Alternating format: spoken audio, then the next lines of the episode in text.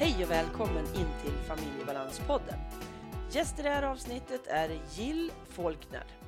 Och vi pratar om autism och annorlundaskap.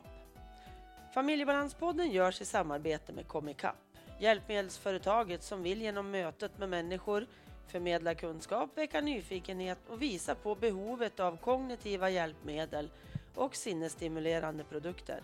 Du hittar dem på comicap.se. Klicka in där och kolla in vad som finns. Sist i avsnittet kommer boktips. Ann-Katrin Noreliusson heter jag som driver den här podden. Jag vill ju med allt det jag gör förändra situationen för personer som har en eller flera neuropsykiatriska diagnoser och naturligtvis de anhöriga som finns i deras omgivning. Och vill du veta mer om mig så berättar jag en del i avsnitt 89 och det hittar du på familjebalans.se. Och om du vill ha kontakt så finns jag på info familjebalans.se. Men nu kör vi igång avsnittet.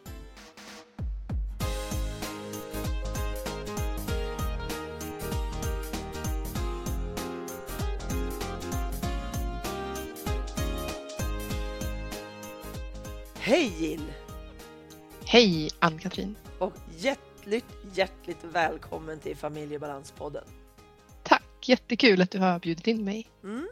Och det är, idag så kommer vi att prata lite om din autism och lite det här annorlundaskapet som jag har sett att du använder.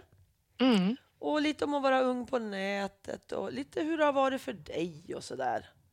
Det Mm. tycker jag ska bli jättespännande att prata med dig om.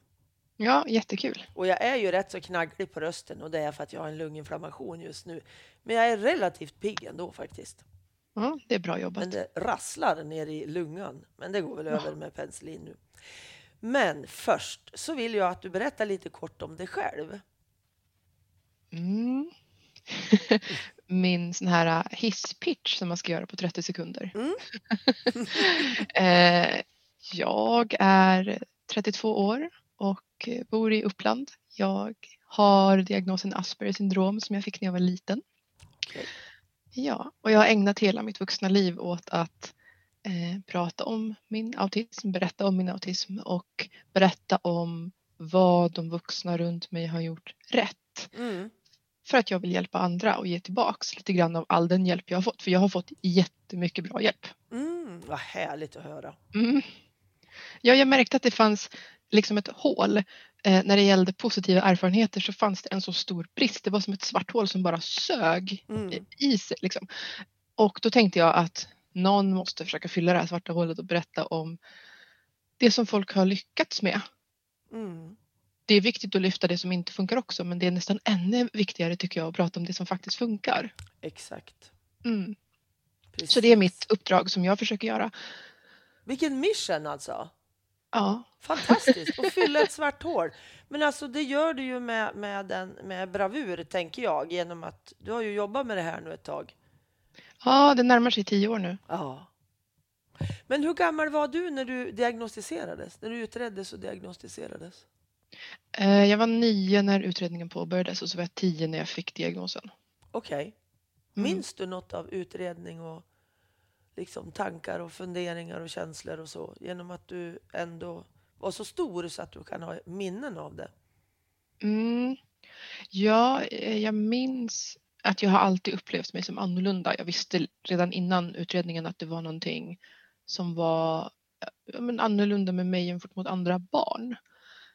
Och så, Mm. minns, ja, och så minns jag att eh, man gjorde ju väldigt omfattande utredningar på den tiden. Det här är ju länge sedan, alltså Mm. 90, vad blir det, 98. Mm. Så det, då, ja, det var i sin linda kan man säga. Begreppet Asperger syndrom hade ju börjat användas i Sverige 1996 och 98 fick jag min diagnos. Ja, så det var ju väldigt precis. nytt. Ja. Ja. Så man gjorde väldigt omfattande utredningar. Det tog väldigt lång tid och det var väldigt mycket experter inblandade. Eh, Jag kommer ihåg att jag fick göra så sömn-EEG när man ska vara vaken Mm. hela natten och sen sova på dagen. Mm. Och det var kul för då fick jag kolla på Star Wars på natten. Precis. och sen kommer jag ihåg, det var väl någon, kanske någon logoped eller ja, någon, ja, olika övningar om man skulle sätta saker i liksom rätt ordning och så fick jag inte ihop de här små historierna. Mm. Ja, och så var jag väldigt frustrerad på det. Okej. Jag tyckte det var ganska kul att liksom bli testad. Jag har alltid varit ganska så här, tävlingsinriktad så jag var lite så här, jag ska vinna över den här utredningen, Yes! Tänkte Mm. jag. Ehm, men det var jättesvårt för en del saker var liksom bara så klart färdigt och så förstod jag inte de vuxnas reaktioner för de verkade tro att det skulle vara liksom något speciellt med det eller så. Mhm. Och andra grejer gick inte att lösa, det var helt omöjligt. Mm. Det var väldigt frustrerande. Mm. Precis. Mm. Och du är så pass stor så att du liksom eh, har varit med ett tag om man säger då och kom minnen och så där och så är det saker som man då inte begriper. Det måste ju ha varit ganska frustrerande förstår jag. Ja, och speciellt eftersom jag fick ju lära mig så småningom, jag visste inte det då, men alltså jag vet ju idag att jag har en proportionellt extremt hög IQ. Ja. Så jag är ju väldigt duktig på det mesta jag tar mig an och jag löser de flesta problem Mm. eh, ganska bra liksom.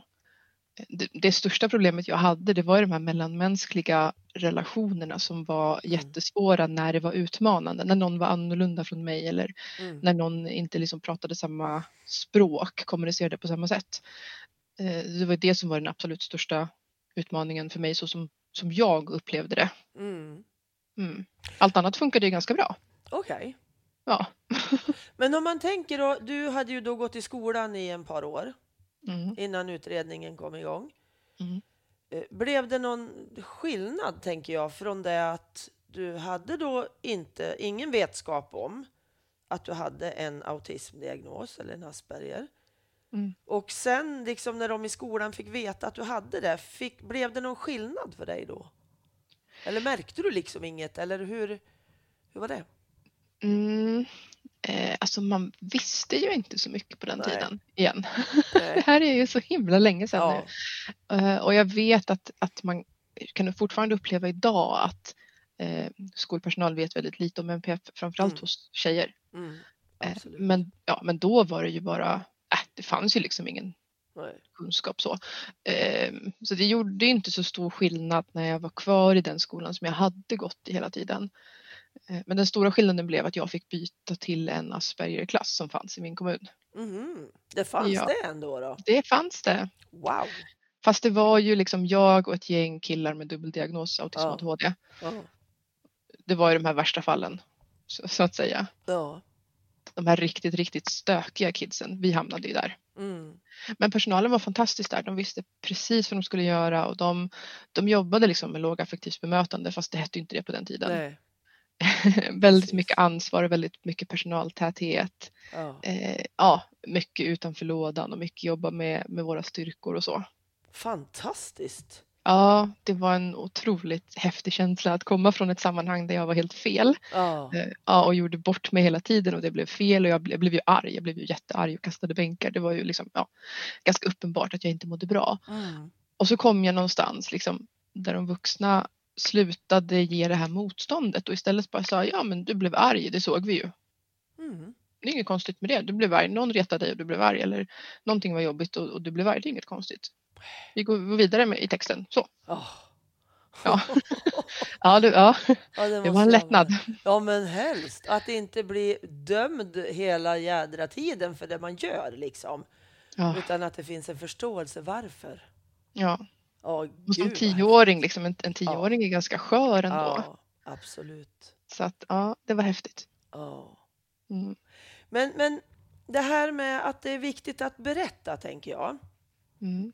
När kom det till dig? Var det när du hade liksom blivit 18 och vuxen och sådär? Eller kände du det redan tidigare?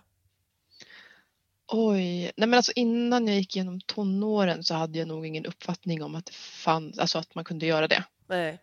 Eh, Jag trodde nog att alla visste och tyckte det var konstigt när de inte gjorde det. Mm, mm. Men sen så lärde jag mig ju under tonåren, dels så gick jag in i den här fasen som nästan alla tonåringar går in i att jag vill inte veta vid min diagnos. Nej. Så jag vill inte prata om det, jag vill inte berätta om det, jag vill inte att någon skulle veta och sådär. Ja, det är ju högst naturligt i den åldern. Då vill Ja. man ju bara vara som alla andra liksom. Ja, det är någonting man behöver gå igenom, Ja. alltså autism eller inte tror jag. Mm, Att omidentifiera sig. mm, Ehm, men sen kom jag ut någonstans på slutet av gymnasiet och då var det en, en skolsköterska som frågade mig om jag kunde tänka mig att svara på lite frågor. Mm. Så här bara, inför lite publik. Oha. För lärarna som hade haft mig under de här tre åren, sa hon, var liksom intresserade av det här. Okej. Och jag förstod ju ingenting. Jag tänkte bara, ja, jag har, väl, jag har inga problem med uppmärksamhet eller stå i centrum. Det kan jag göra absolut. Ja.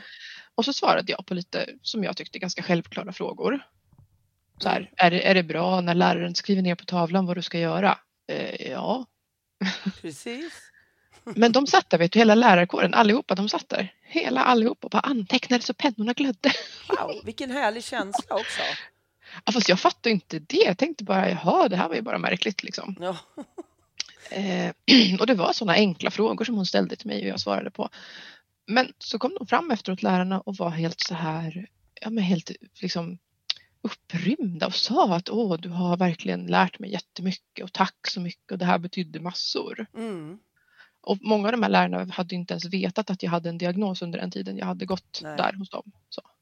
Så det var väl häftigt såklart för dem och då blev jag lite, jag gillade den känslan. Ja. Ja. Vilken jäkla tur, hörru du. Att Eller hur? ställde den frågan. Så att du Ja. kom det här på spåret riktigt, att börja föreläsa om det sen då. Ja, Suveränt. för det var det som var startskottet verkligen. Ja.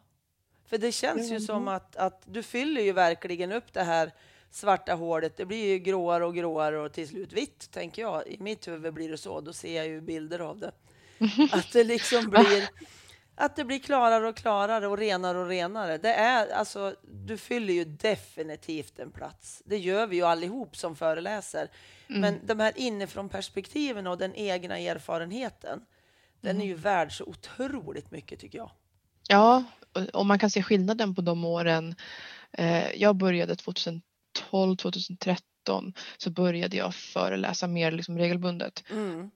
Och skillnaden då mot idag, alltså sa man då till någon sån här bokare på en konferens att ni borde ha med någon som berättar inifrån. Mm. Då tyckte de att man var ett totalt ufo och fattade inte vad man pratade om. Och Nej. nu är, det, nu är det mer standard att det Ja. finns nästan alltid med någon som har en egen diagnos. Mm. Mm. Precis. Och det är häftigt. Mm. Jättehäftigt. Och jag tror att Hjärnkoll har varit en del i det faktiskt. Ja. Att, är Så du kan det säkert vara. Hjärnkolls ap- ambassadör? ja, det är jag. Ja, för det är ju jag också Ja. inom anhörigperspektiv och sådär då. Ja. Och jag tror faktiskt Hjärnkoll har gjort en väldigt stor eh, del i det här att eh, egen erfarenheten är så viktig. Ja, ja, men absolut. Så det är häftigt. Det är superhäftigt. Mm. Och, och Hjärnkoll är en sån bra organisation också. Mm. Verkligen, Så, verkligen. ja. Viktiga Eh. frågor. Yes, det är det. Precis. Men du fick ju då din diagnos tidigt. Mm. Och hur, hur har det varit sen då, tänker jag? För då har du ju varit liksom... Du har gått igenom tonåren och hatat din diagnos och liksom... Och nu berättar du att du har barn. Mm. Och liksom, har, tänker du någon gång på det här att ja, men för mig är det så här, men för de där andra då, vad vi nu ska kalla dem för? Neurotypiker. Neurotypiska. Eh, de kanske har det så här. Tänker du någon gång på skillnaden eller är det bara att du är gill och så är det inget mer med det liksom? Eh, nej, men jag tänker på skillnaden hela tiden. Mm. Eh, och det är så min existens ser ut. Och jag var ganska gammal när jag lärde mig att det är inte alla människor som alltid har två tankar i huvudet samtidigt. Nej. För så är det för mig. Jag måste alltid tänka på så här, men vad vet ICA-kassörskan nu? Och Ann-Katrin, när hon frågar den här frågan, vad betyder det för henne? Mm. Eh, och ja, sådär. Eh, för att lista ut vad jag behöver säga för att folk ska förstå vad jag menar. Mm. Och det är ju lite det som är mitt, det är det jag gör liksom. Mm. Så jag måste översätta inte bara på mina föreläsningar och i mina böcker och så, utan jag översätter ju även för mig själv i vardagen också. Mm. Och det hjälper jag ju mina anhöriga med och alltså alla de som jag jobbar med och, och hjälpa och, och sådär. Det är en slags tolkning liksom. Ja, det kan man säga. Du liksom översätter. Ja, hela tiden. Ja. Löpande.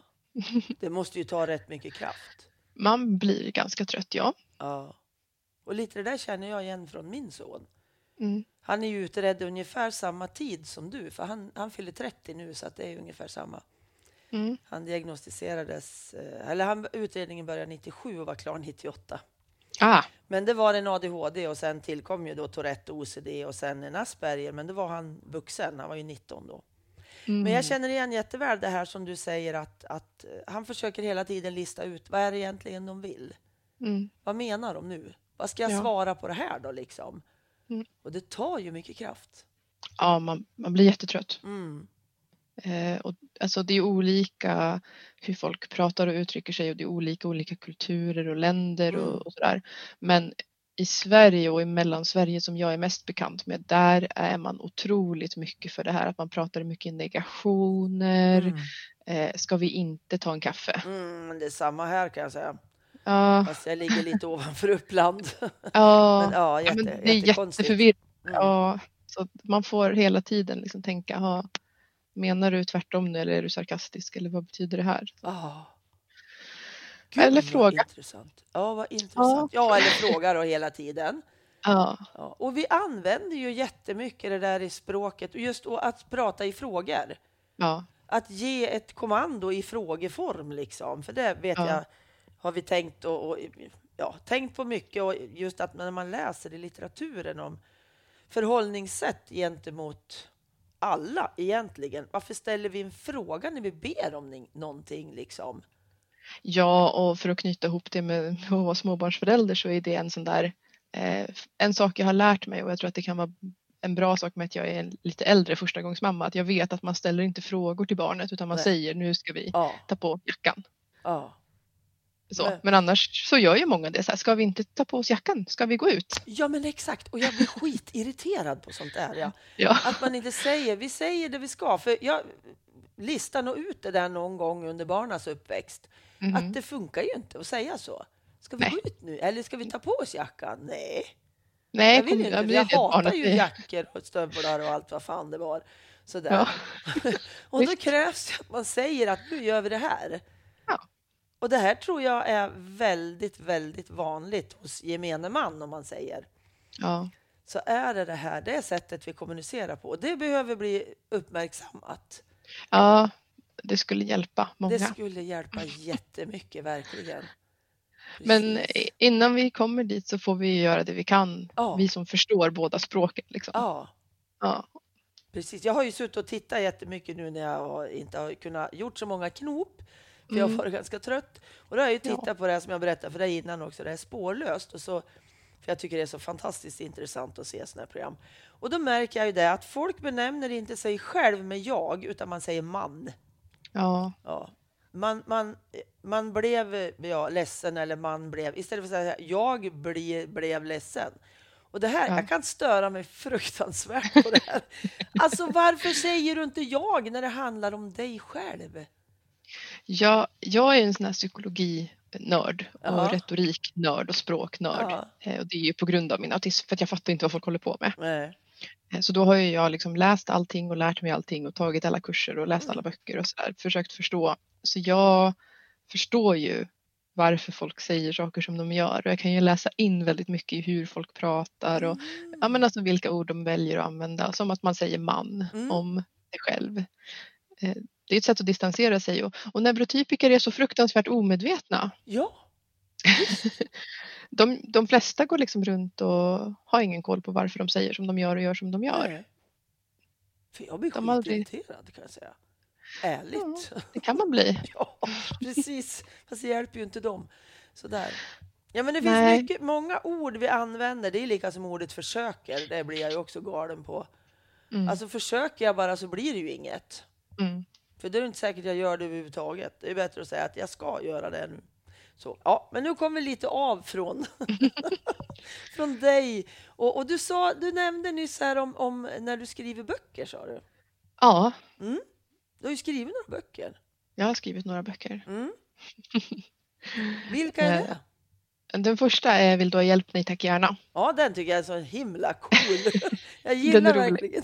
Ja. Ja, den är uppskattad och den börjar ha några år på nacken nu men den är fortfarande väldigt uppskattad. Mm.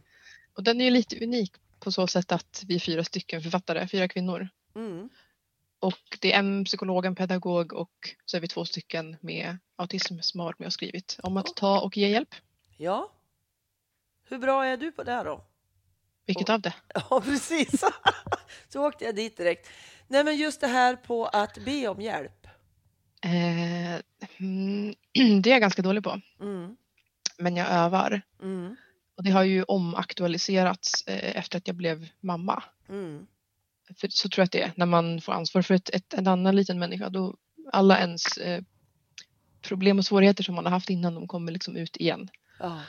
Jag tror att det är så för många. Det var så för mig. Mm.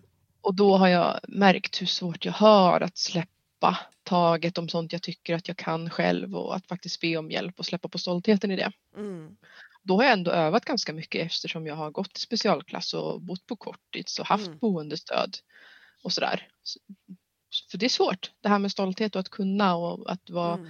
driven av eh, prestationer och sådär. Det hänger ihop mycket med att vara alltså, högintelligent och högpresterande. Mm. Eh, speciellt personer med autism är det jättevanligt att man har svårt med det. Så att, Mm. Precis. Och det ser Ja. jag lite då och då. Just det här med just när man har en, en, en hög begåvning men inte Mm. klarar vardagen. Det blir ett jädra jobbigt läge. Ja, och det är ju supervanligt för eh, tjejer och kvinnor Ja. med MPF överhuvudtaget. Mm. Kanske jättehögpresterande på jobbet och kan Mm. till och med vara chef och ha Mm. höga utbildningar och vara alltså, verkligen superkompetent på alla sätt. Mm. Men klarar inte av hemma och ja, en, en, en neurotypiker i den situationen och positionen hade kanske varit mer bekväm med att anlita hjälp professionellt eller sådär. Mm. Men många NPF-are tror jag har den här äh, det händer som ofta i bakgrunden i, när man är liten och sådär att man, att man liksom inte duger. Så det finns en, ett driv att klara väldigt mycket själv. Mm. Mm, Precis. Och det här är svårt alltså. Det är jättesvårt. ta hjälp av boendestöd och sådär när jag Ja. När jag vet att jag har en, en, en smarthet och en skärpa som jag klarar så himla många saker och så kan jag inte vardagen. Ja, och det är också väldigt symptomatiskt. När jag står och föreläser för högutbildade professorer då brukar jag säga så att "Ah, ska man titta statistiskt sett så är jag antagligen smartare och har högre IQ än alla er. Mm. Men jag kan inte bre en macka utan att det blir kladdigt liksom. Nej. Så. Det är ju skillnader. Mm.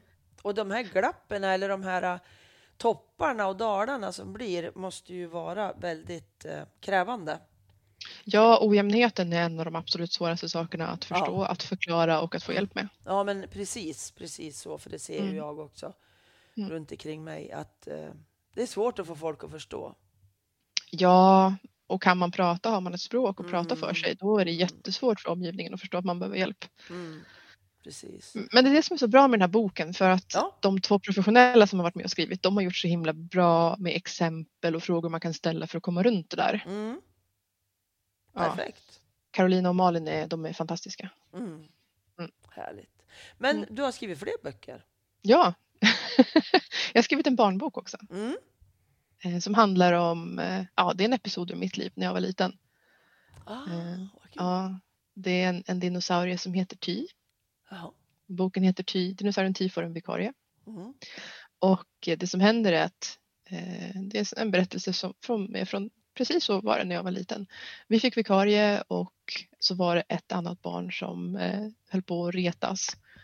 Jag kommer inte ihåg vad han gjorde. I boken så kastar han små sådana här eh, typ papperstussar som han har spottat lite på Ah, okej. och liksom spottar dem på, på Ty. Usch. Eh, ja, det, ja, och håller på och liksom är jobbig så att Ty blir arg och får ett, ett utbrott. Mm. Och då eh, kommer vaktmästaren, den här dinosaurievaktmästaren kommer och lägger ner Ty och sätter sig på Ty. Oh. Ja, nedläggning och fasthållning. Ja. Så det är liksom ett hopkok av saker som hände när jag Ja. var liten. Precis. Och så får man följa vad som händer sen och hur Ty mår och hur de vuxna runt hanterar det och, och en rektor eh, som jobbar lågaffektivt, Mm. rektor Serat, som kommer in där och ska styra upp situationen. Äh, det är spännande. ja, men det förstår jag. Den där boken är ju jätteviktig.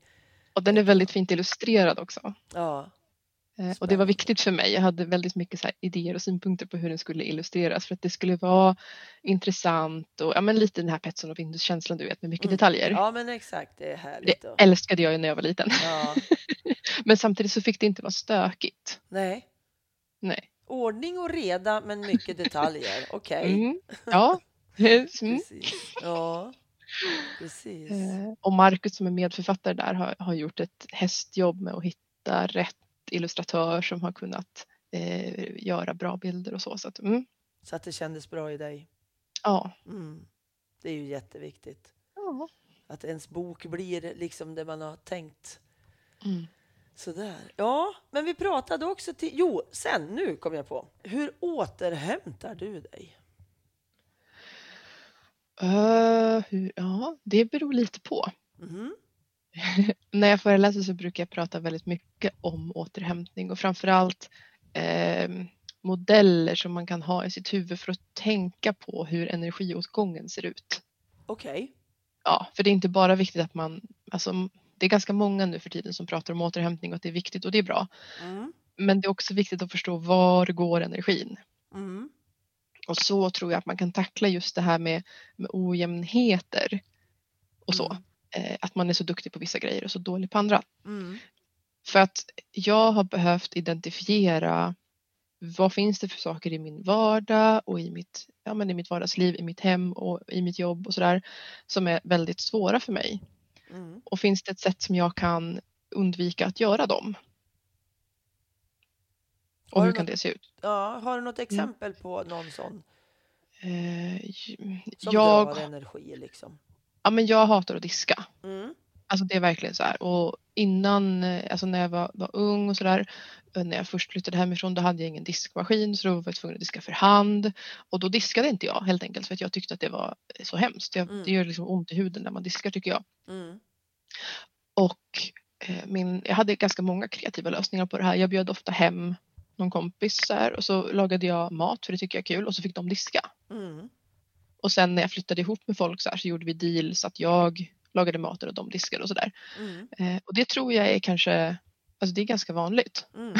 hos alla människor att man har grejer som man har svårare för. Men för mig så handlar det om en sensorisk överladdning, att, jag, Mm. att det blir liksom för mycket. Mm. Eh, och jag blir dessutom trött av det. Det tar otroligt mycket energi och, och det blir dessutom inte rent. Så det känns otroligt, så kommer någon och bara, "Ah, det är en fläck här. Det känns otroligt meningslöst att jag ska hålla på och diska. Ja. Och det är en bra metafor för andra saker. Mm. Mm. Jag brukar alltid berätta om det och sen så brukar jag använda det som en metafor för andra saker. Jag är superdålig på siffror, hålla tider, så bokföring. Så jag har en kollega som tycker att bokföring är ett jätteroligt, alltså hon kan göra det som återhämtning. Mm. Oj. Ja, jag vet. Vilken märklig människa tycker jag då. Ja. Jag, håller, jag håller med det där om bokföring är det finns. Ja. Ja. Mm. Men vad bra det är liksom, när man hittar de där sina delar som det här behöver jag sortera bort i allra möjligaste mån. ja, Det är ju skitbra.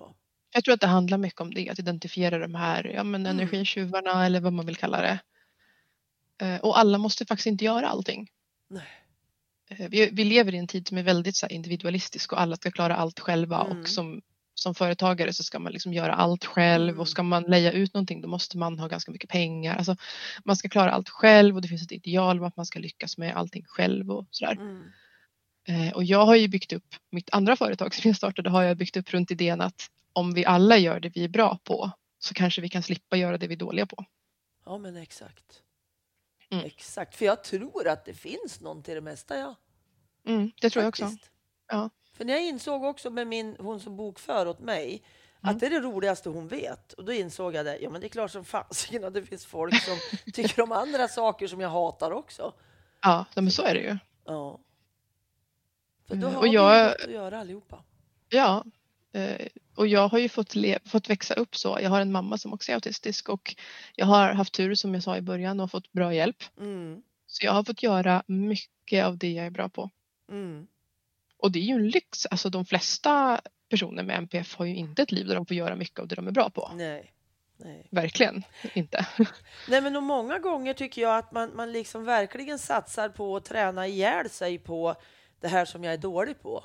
Ja, Istället ah, för att stärka det där jag är bra på och så att jag blir riktigt bra på det istället. ja. Eller det jag trivs med liksom. Ja, alltså det är ju ofta det. Det går ju hand i hand det man trivs med, det man tycker är kul, det man är Mm. bra på. Mm. Det brukar vara ungefär samma saker. Mm. Men det är en lite, nästan lite så här bortglömd del av, alltså lågaffektivt bemötande har ju blivit så spritt nu och det är ju bra, tack och lov, det var Ja. på tiden. Mm. Men just det här lite mer alltså bakom sen då, hur, inte bara i bemötandet utan hur, hur når vi målen? Mm.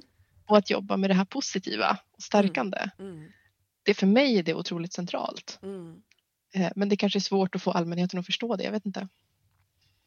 Nej, men alltså det är väl, vi har ju kommit ganska långt, tänker jag, med ändå information och kunskap runt MPF. Mm. Ja, det är verkligen. Liksom nästa steg då, för jag tänker att det har ju hänt ohyggligt mycket på de här 15 åren. Det är ju mer, det är 20 år då drygt sedan ja, du diagnostiserades och likaså mina barn då. Mm. Och då var det ju noll kunskap, i alla fall runt omkring oss här. Det fanns ju Ja. ingenting. Och idag är det ju i alla fall, det är ju, de flesta vet vad det handlar om något sånär liksom. Ja, Så där är väl, det är ju så, nästa steg och nästa steg och nästa steg. Vi får ju jobba framåt liksom med de här nya insikter och så där. Och så genom att du sprider det du gör på ditt sätt och jag gör det på mitt sätt med, ja, runt som anhörig och alla de här bitarna. Då. Det är ju där vi kommer framåt, tänker jag. ja. Plus forskning såklart. Men jag har alltid mina mål eh, ställda väldigt högt. Ja, Så först var mitt mål så här att vi ska, det ska pratas om MPF. Folk Mm. ska lära sig vad det är för någonting. Vad är autism? Vad är ADHD? Vad är de här diagnoserna och vad betyder det? mm, Och jag har fokuserat otroligt mycket på arbetsmarknad och yrkesliv. Att det ska finnas jobb till oss och det ska Mm. finnas en förståelse. Och det här ska in i arbetsmiljölagstiftningen allra helst. ja. Ja, för så, så ambitiös är jag. Ehm, Det är bra.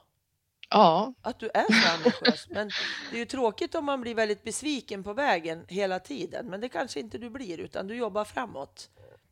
Ja, nej besviken tror jag aldrig att jag har blivit. Nej? Jag kan bli frustrerad, jag kan bli trött men eh, jag har från första början haft så otroligt bra uppbackning av min familj och sen av kollegor och folk som följer mig på sociala medier. Mm, Eh, väldigt mycket kärlek och, och så. mm, Inte så mycket hat och motarbetning utan väldigt mycket kärlek och stöd. mm. Viktigt Ja, att få den bekräftelsen. ja, ja men verkligen. Att man går åt rätt håll liksom. Ja. Men det ger mig också utrymme att sätta målen otroligt högt. Mm. Ja, det blir det ju. Precis. Ja. Så när jag väl hade jobbat i ett par år mycket med, med arbetsliv och upplevde ändå att det hade hänt någonting. Mm, Eh, Då tog jag mig an nästa mål. Det var ju det här med, med tjejer och, och MPF. mm. Eh, Saga Norén i Bron eh, Mm. dök ju upp lägligt. Ja, men helt perfekt. Hon är en bra karaktär att, att Ja. använda sig av. Ja. Som språngbräda ut liksom. Yes. Briljant på sitt jobb men inte så bra på det sociala. Nej, precis. Mm. Precis. Är det liksom det, kan det vara så att det är det sociala som tar mest energi för många med autism? Ja, jag tror att det nästan, man kan, man kan nog nästan säga att det alltid är så. Mm. Eh, Så länge jag får jobba med mitt jobb som jag tycker är kul eller ja, skolan kan ju vara svår därför att eh, när man är yngre så får man inte göra det man tycker är roligt i skolan Nej, och inte heller det man är bra på då. då. nej, precis. Utan då ska man ju lära sig allting som man inte är bra på. Mm. Men sen när man kommer upp och kanske på gymnasiet och sen på universitetet då får man ju göra det man är bra på, det man tycker är kul. Ja, precis. Eh, och så kan man jobba med något man tycker är kul om man har fått rätt stöd. Mm. Ja, om man har blivit lyft. Så att man har självförtroende nog att gå ut och bara, jag ska göra det jag tycker är kul, det jag är bra på. Så. Mm. Men relationer, får, man kan ju inte välja de relationer man tycker är kul bara. Precis. Tyvärr, det hade varit smidigt. Det hade varit alldeles strålande om man faktiskt kunde göra det. Ja. Helt klart. Men man blir ju som ihoptussad med folk och det dyker ju upp saker som man eh, kanske också vill lära sig att lösa. Mm. Och det är inte alltid så enkelt.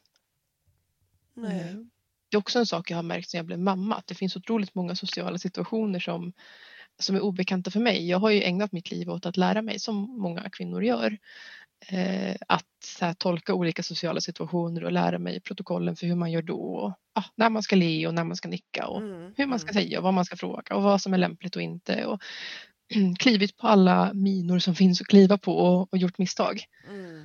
Men sen så rätt för det så kommer man in i ett sammanhang där det är helt nya saker. Precis. Mm. Och då blir det svårt igen. Ja, och barn är ju, alltså att ha barn, det, det Mm. liksom innefattar ju så mycket mer än att bara sköta ett barn.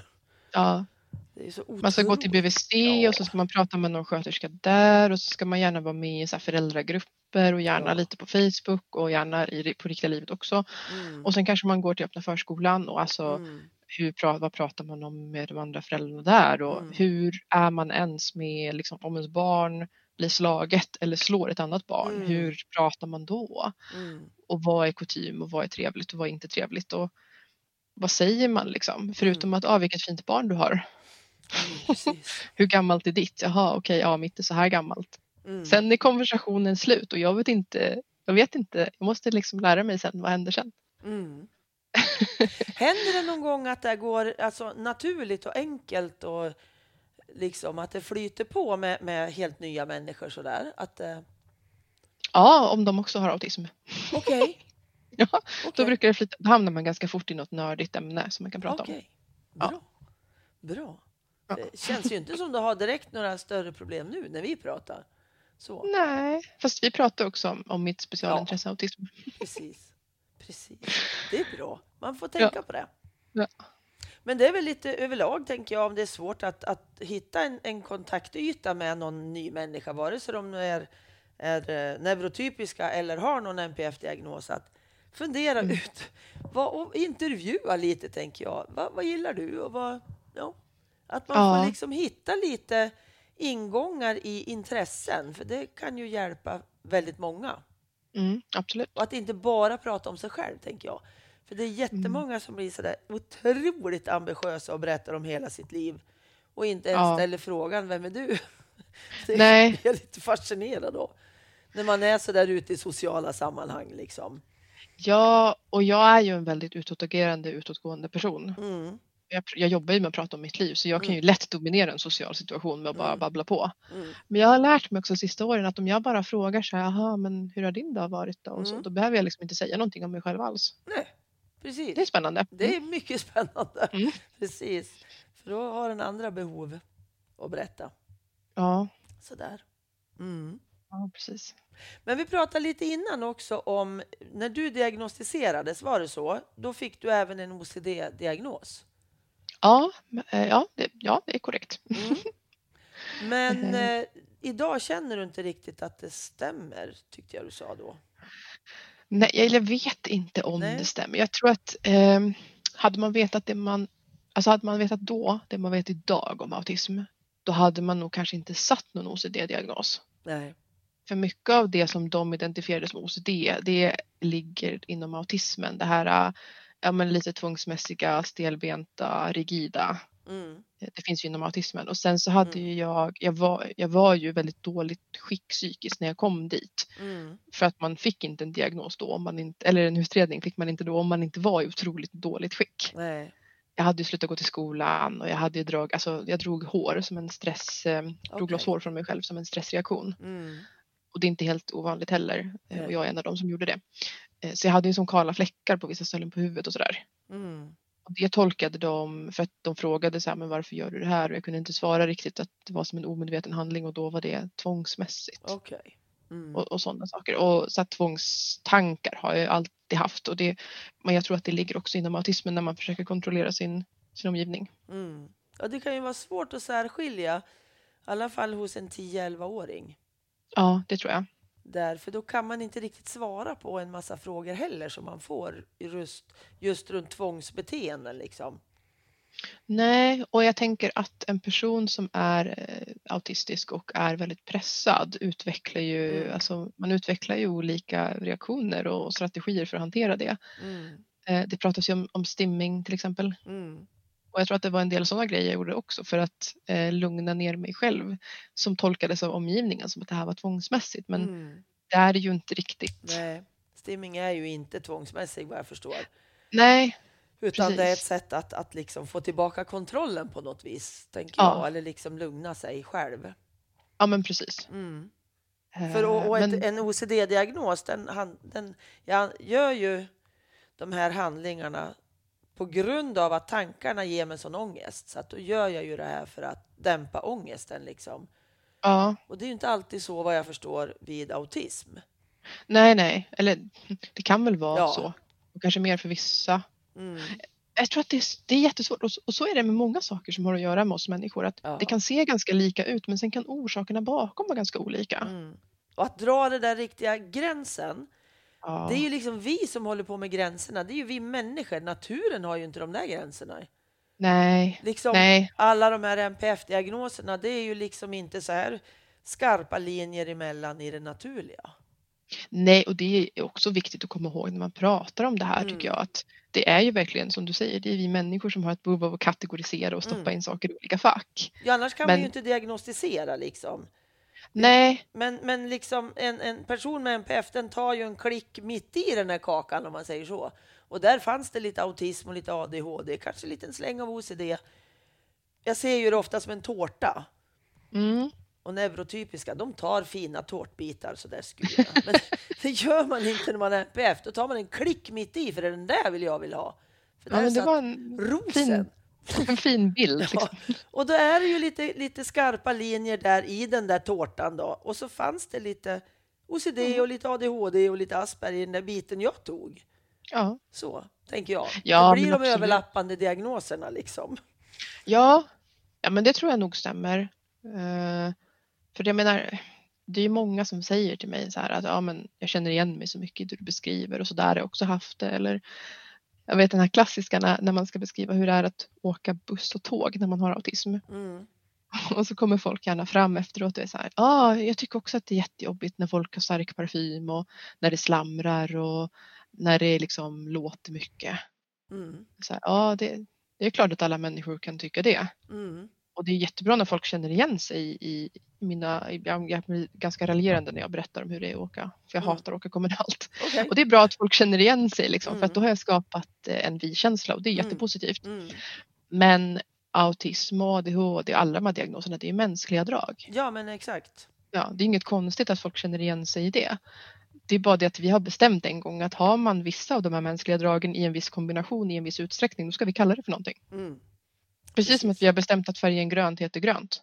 Och det är en ganska teoretisk filosofisk diskussion som inte alla människor orkar eller vill hänga med i för det kanske Nej. inte är helt relevant i alla sammanhang heller. Men det är Men intressant det. tycker jag. Ja, det är Mm, mycket så är intressant. Mm. Absolut. Nej, men jag är också, alltså NPF är ju min, mitt absolut största intresse. Mm. Kan jag säga. Det är liksom, det är min hobby. Mm. Knepigt att ha det som hobby, men alltså det är så. Jag tycker Mm. det är så vansinnigt intressant. Jätteintressant. Och jag skulle kunna sitta här och prata med dig hela, hela förmiddagen. Mm. Faktiskt. Ja, Men vi behöver avrunda. vad tråkigt. Ja, skittråkigt måste jag säga. Jättetråkigt. Så, så att, har du något mer du skulle vilja lägga till? Mer än det vi har pratat om. Jag förstår att det finns tusen saker till. Men har du något du vill skicka med? Har du något du säger på dina föreläsningar? Liksom? Det här tycker jag är jätteviktigt. Jag vill påminna om att autism är annorlunda, inte sämre. Mm. Ja, och att det är inte något fel på oss. Det är bara det att, alltså man kan säga så här, det är inte ett processerror, det är ett annat operativsystem. Yes. Ja, den tycker jag är bra. Mycket bra. Jättefint att sluta med tycker jag. Man kan följa mig på Facebook. Mm. Föreläsare Gill, autism inifrån heter min sida. Man kan hitta den på facebook.com slash aspergerinfo. Yes. Det finns en Youtube-kanal också som också Oho. är aspergerinfo. Mm. Inte så mycket klipp men det finns ett par eh, guldkorn som jag har lagt upp. Aha, någon föreläsning med dig eller? Inte någon hel föreläsning tror jag ligger där nu. Korta bitar? Ja. Men då får Ja. man en liten inblick ändå liksom. ja, och sen kan man kolla in båda mina företag. Mm. Adaptis.se och butikspektra.se. Suveränt. Mm. Suveränt. Ja, men jätte, jättebra. För där får ni då, ni, våra lyssnare, alltså en liten mer hint om dig och kan ta kontakt. Absolut. Det är ju jättebra. Ja, För jag sitter inne nu på adaptis.se och ser det. Kontakta oss. Och Visst är den snygg? finns det. Absolut. Och ren och fin. Jättebra Ja. hemsida. det är viktigt. Ja, det tycker jag med. Och jag Ja. blir så förvirrad när det är mycket saker hit och dit och Ja, färger och sånt det- där. Jag ja. fattar ju ingenting. Med, jobbigt med menyer som kommer ner som inte syns och sånt där. Åh, ja, stökigt. Yes, yes. Mycket stökigt blir det då. Tusen tack Jill för att jag har fått haft dig som gäst. Tack själv, det var jätteroligt. Mm. Ha det så gott! Detsamma. Hej då! Hej!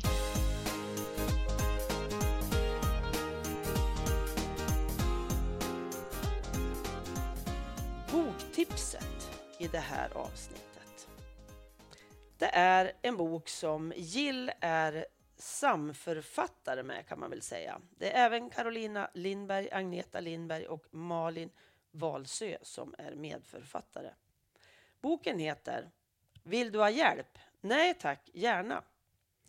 Att ge stöd till personer med ADHD och Aspergers syndrom. Alla vi som jobbar med stöd åt personer med neuropsykiatriska funktionsnedsättningar vet att det inte finns en färdig mall för möten och insatser. Vår förmåga att orka, vilja och kunna förstå varann är av avgörande betydelse. Vill du ha hjälp? Nej tack, gärna. Handlar om rollen som yrkesperson och människor som tänker annorlunda än de flesta. Och om svårigheter och möjligheter att mötas. I boken delar vi med oss av de verktyg vi själva haft nytta av och hoppas att de kan väcka inspiration. En annan bok som Jill har skrivit är Dinosaurien Ty får en vikarie. Dinosaurien Ty har autism. Ty tycker inte om förändringar. En dag när Ty kommer till skolan är den vanliga läraren sjuk och istället finns en vikarie. Ty blir orolig. Vikarien har inte alls kontroll över klassen och då blir Ty frustrerad. Ja, så frustrerad att Ty hamnar i slagsmål med en klasskompis. Och hur ska den här dagen sluta? Det här är en självupplevd berättelse av Jill, bara det att hon är ingen dinosaurie. En väldigt söt liten bok tycker jag som är bra att berätta för barn. Tack för att du lyssnat. Tack till Pelle för musiken, till Pernilla som fotade mig, till Marcus som fixade poddloggan och till Anders för att du redigerar mitt prat. Och tack till Comicap för samarbetet. Och du får så gärna gå in och skriva en recension på Familjebalanspoddens Facebook-sida.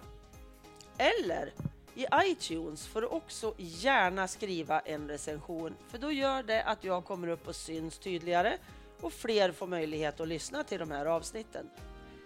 Hej då och hoppas vi hörs igen.